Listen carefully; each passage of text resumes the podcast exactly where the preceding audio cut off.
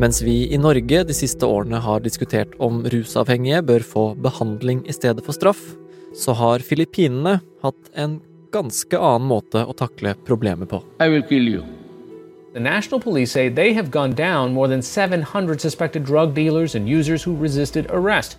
The government says a little over 6,000 people were killed in legitimate anti drug operations. Krigen mot narkotika, som dette blir kalt, har pågått i seks år. Dette er historien om hva som skjedde da Filippinene innførte dødsstraff mot narkotika. Du hører på Forklart fra Aftenposten, og jeg heter David Vekoni. I dag er det tirsdag 20. desember.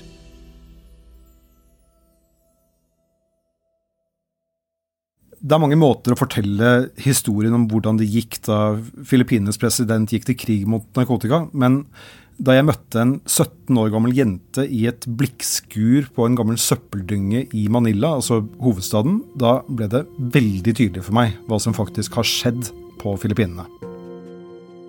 Kristoffer Rønneberg er journalist i Aftenposten og har vært Asia-korrespondent flere ganger. I sommer var han på Filippinene og snakket med noen av de pårørende til de mange tusen som har mistet livet i krigen mot narkotika. Vi satt da i, i slummen i, i Manila i, i, lite, i, en liten bolig med, hvor det er mange mennesker som, som deler denne lille plassen. Uh, og der bor 17 år gamle Christine som en del av denne familien. Og, og, det hun har opplevd, det er, det er, virkelig et bilde på hva hele denne krigen mot narkotika har, har ført med seg av, av lidelse. Christine er, um, ser ut som en normal uh, ungdom i, i, Manila. Hun har uh, ja, litt sånn halvlangt uh, svart hår, et stort, veldig varmt smil og, og, og, snakker lett, til tross for at det hun snakker om er, er vanskelig. Hun har vokst opp i dette skuret sammen med moren sin og bestemor og seks søsken og en far som hun beskriver som veldig snill. Han var helten hennes, fortalte hun meg. Og da, da, faren hennes var yngre, så, så slet han med narkotikaproblemer, men det, det, var noe han hadde sluttet med da, da Christine var uh, veldig liten. Og selv om faren til Christine var ferdig med narkotika, så, så var det mye dop i, i denne delen av Manila, akkurat som det var i andre fattige strøk over hele dette landet. Hvor stort problem var egentlig narkotika på Filippinene? Eh, Filippinene er jo et fattig utviklingsland. Det er, det er mange som fortsatt bor i slumområder, som, som der Christine eh, bor, eh, i, i, utkanten av, av, storbyene. Og Her er narkotika ganske utbredt, eh, spesielt blant unge menn. Det, er billig å få tak i, det er lett å få tak i, og så hjelper det folk med å flykte fra, fra en vanskelig virkelighet. Så, så blir man jo som man blir med, med narkotika overalt. Man blir, man blir, hekta, og man havner i gjeld, og langerne får, får en makt over deg, og, og vondt blir til, til verre. Og en konsekvens av det, det er jo uh, utbredt kriminalitet i disse slumområdene i, i storbyene i, i, Manila. Og denne situasjonen, uh, altså med dop og kriminalitet i, i, de fattige områdene, det lovet en mann som het Rodrigo Duterte å gjøre noe med. Og I juni 2016 så ble han president i landet eh, etter at han hadde lovet i valgkampen at han skulle føre en krig mot narkotikaproblemene.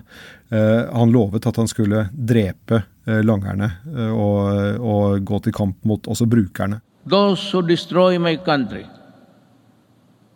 I will kill you. And those who destroy the young people of our country, i will kill you. Og han ble valgt, han ble president i Filippinene i 2016, og like etterpå så begynte drapene. Nearly 2,000 people have been killed by police and vigilante groups combined. Duterte has publicly encouraged civilians to kill addicts and said he will not prosecute police for extrajudicial executions. Often next to the bodies in the street are cardboard signs identifying the victims as a user or pusher. Etter at uh, Duterte ble valgt, så, så, bodde jo da Christine og familien i dette lille skuret i, i slummen utenfor Manila. Uh, faren var blitt nykter, men det um, viste seg at det ikke var en beskyttelse mot denne krigen Duterte førte mot, uh, mot narkotika i landet. Hver kveld fra høsten 2016 så dukket det opp politifolk i området, og hver kveld så ble folk regelrett henrettet. Av og til så var det folk i uniform som kom, og andre ganger så var det folk uten uniform, men som, som var gjemt bak, eh, bak finlandshetter. De terroriserte rett og slett eh, denne fattige delen av, eh, av Manila. Og så En kveld like før jul i 2016 så dukket politiet opp også hjemme hos Christine. Hun fortalte meg at hun, hun hun så først et ansikt som dukket opp i vinduet, og plutselig så dundret det på døra, og, og det stormet inn fire politimenn. Eh, de dro med seg alle barna ut av huset. De var der alene sammen, sammen med faren sin. Barna ble dratt ut av huset, men hun klarte å holde seg i, i eh, døråpningen, hvor hun så at eh, politiet tok tak i, i faren og tvang ham ned på, på kne. Han tryglet om at de ikke skulle drepe ham. Uh, han sa at han var nykter. Han hadde et dokument som viste en, blodprøve han akkurat hadde tatt, som viste at det ikke var noe dop i, i, blodet hans. Og han sa hvis dere skal ta meg for noe, så da arrester meg. Ta meg med til politikontoret, men vær så snill å ikke drepe meg. Og så, det neste som skjedde, forteller Christine, var at det kom et smell fra politimannens pistol. Og hun beskriver at det var litt som om noen poppet en ballong og etter det så husker hun ingenting. Men så, ni dager senere, får hun og familien et brev. Det er faren sin dødsattest. Men her står det ingenting om noe skudd eller kulehull. Nei, her står det svart på hvitt at faren til Christine døde av naturlige årsaker. Et hjerteinfarkt som følge av høyt blodtrykk.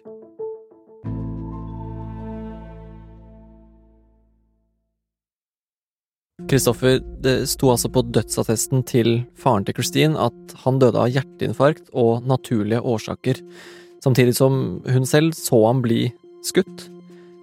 Hvordan kan det ha seg?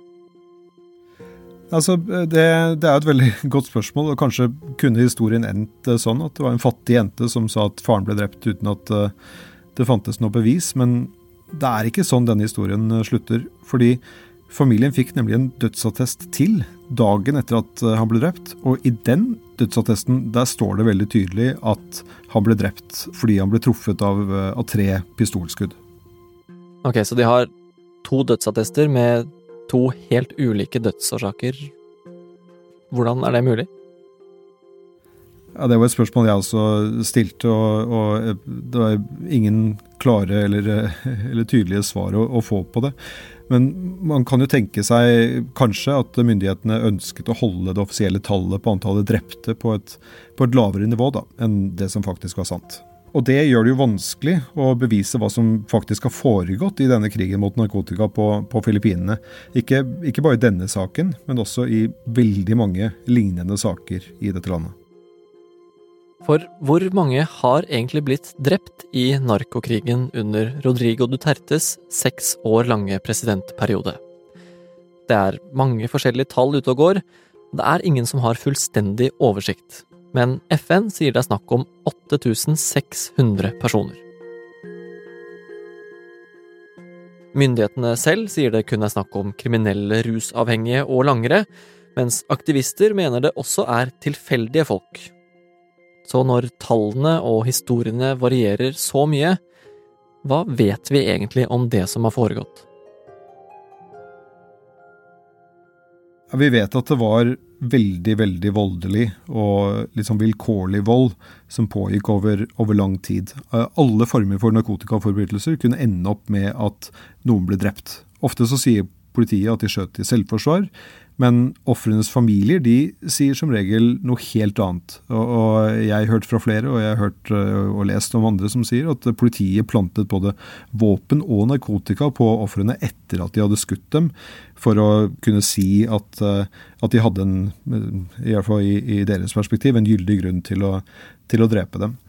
Men uh, vi har også lært uh, mens det pågikk og etterpå, at det ofte var også helt tilfeldige folk på, på stedet. Folk som bare var på feil sted til feil tid, som, som kunne ende opp med å bli eh, skutt og drept.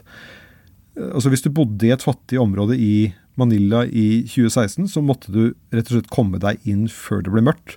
Fordi etter at mørket falt på, så dukket det ofte opp menn på motorsykler som skjøt folk som var ute i gatene. Det, det var en regelrett menneskejakt. Men myndighetene de vil kanskje ikke sagt seg helt enig i det?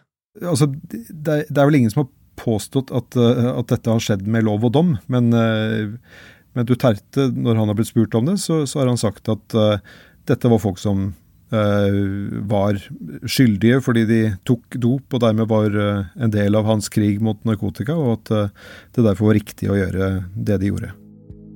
Men det å løse fattigdom og kriminalitetsproblemer med å skyte folk som du mistenker at driver med narkotika, det høres jo ut som en helt ekstrem løsning. Jeg tror eh, Duterte la skylden på problemene i samfunnet på de som tok og solgte narkotika, og ved å da si at han førte en tøff kampanje og kunne vise til at, eh, at politiet grep inn på den måten de, de, gjorde, så kunne han si at han, han, prøvde å gjøre livet bedre for de som ikke var narkomane.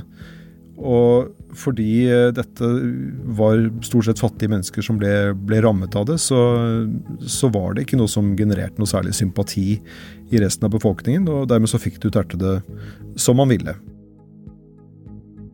Men det er jo ikke sånn at, eh, at narkomane eller heller fattige ikke har menneskerettigheter. Altså Også i Filippinene så skal mistenkte lovbrytere ha krav på en rettssak før de eventuelt blir dømt.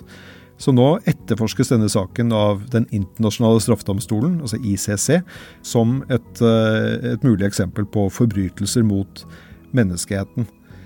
Og, og den saken den kommer til å ta tid, uh, for man skal prøve å finne mest mulig beviser. Men noe av problemet er at å finne disse bevisene, det, det kan være ganske vanskelig. Uansett om Duterte til slutt blir dømt eller ikke, så har krigen mot narkotika endret seg de siste årene. Selv om dødsstraffen består, så blir færre drept. Og hjernen bak, altså president Rodrigo Duterte, han er nå ferdig som president og en ny en, Ferdinand Marcos jr., er valgt. Er Filippinene nå kvitt narkotikaproblemene? Det er ingenting som tyder på at Duterte oppnådde målene hvis målet var å, å bekjempe narkotika eller kriminalitet i, i, i Filippinene. Det, det, problemet er minst like stort som hva det var i, i 2016. Han uh, oppnådde det at han uh, fikk være populær blant de som, de som, likte ham, og de som kanskje ikke hadde så mye til overs for, uh, for de fattige i slummen i, i Manila. Men dette har ikke løst noen verdens ting på Filippinene.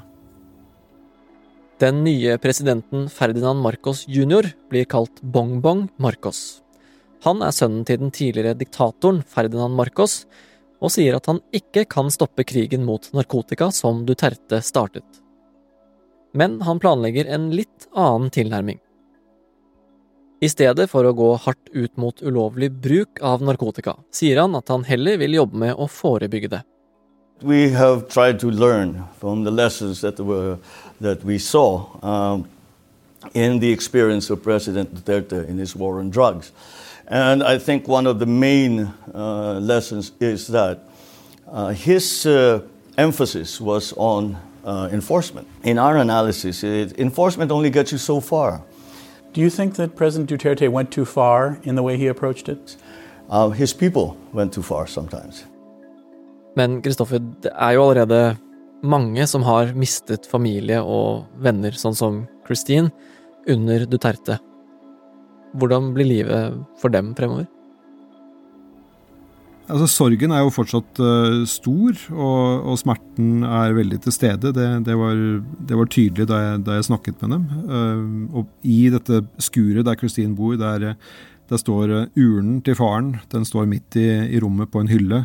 over urnen er det et bilde, bilde av ham, der han, der han smiler og, og ser, ser, ut som den hyggelige personen som Christine beskriver ham som. Så det er, det er veldig med dem fortsatt.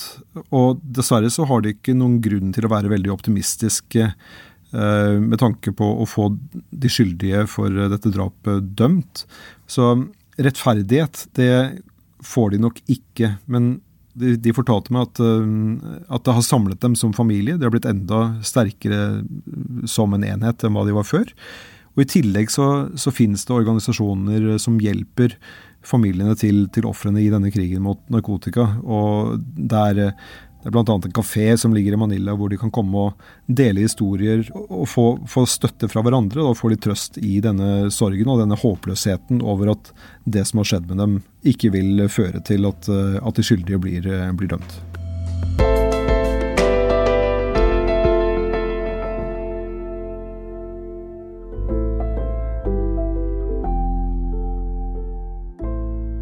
Du har hørt en podkast fra Aftenposten. Det var Kristoffer Rønneberg som fortalte om konsekvensene av Filippinenes krig mot narkotika. Lyden du har hørt, er fra den filippinske presidentens offisielle YouTube-kanal, PBS, TRT, Al Jazeera, Deutsche Welle og nyhetsbyrået AP. Det var Marit Eriksdatter Gjelland, Jenny Førland og jeg, David Vekoni, som laget denne episoden. Og resten av Forklart er Anne Lindholm, Synne Søhol, Fride Næss Nonstad og Anders Weberg.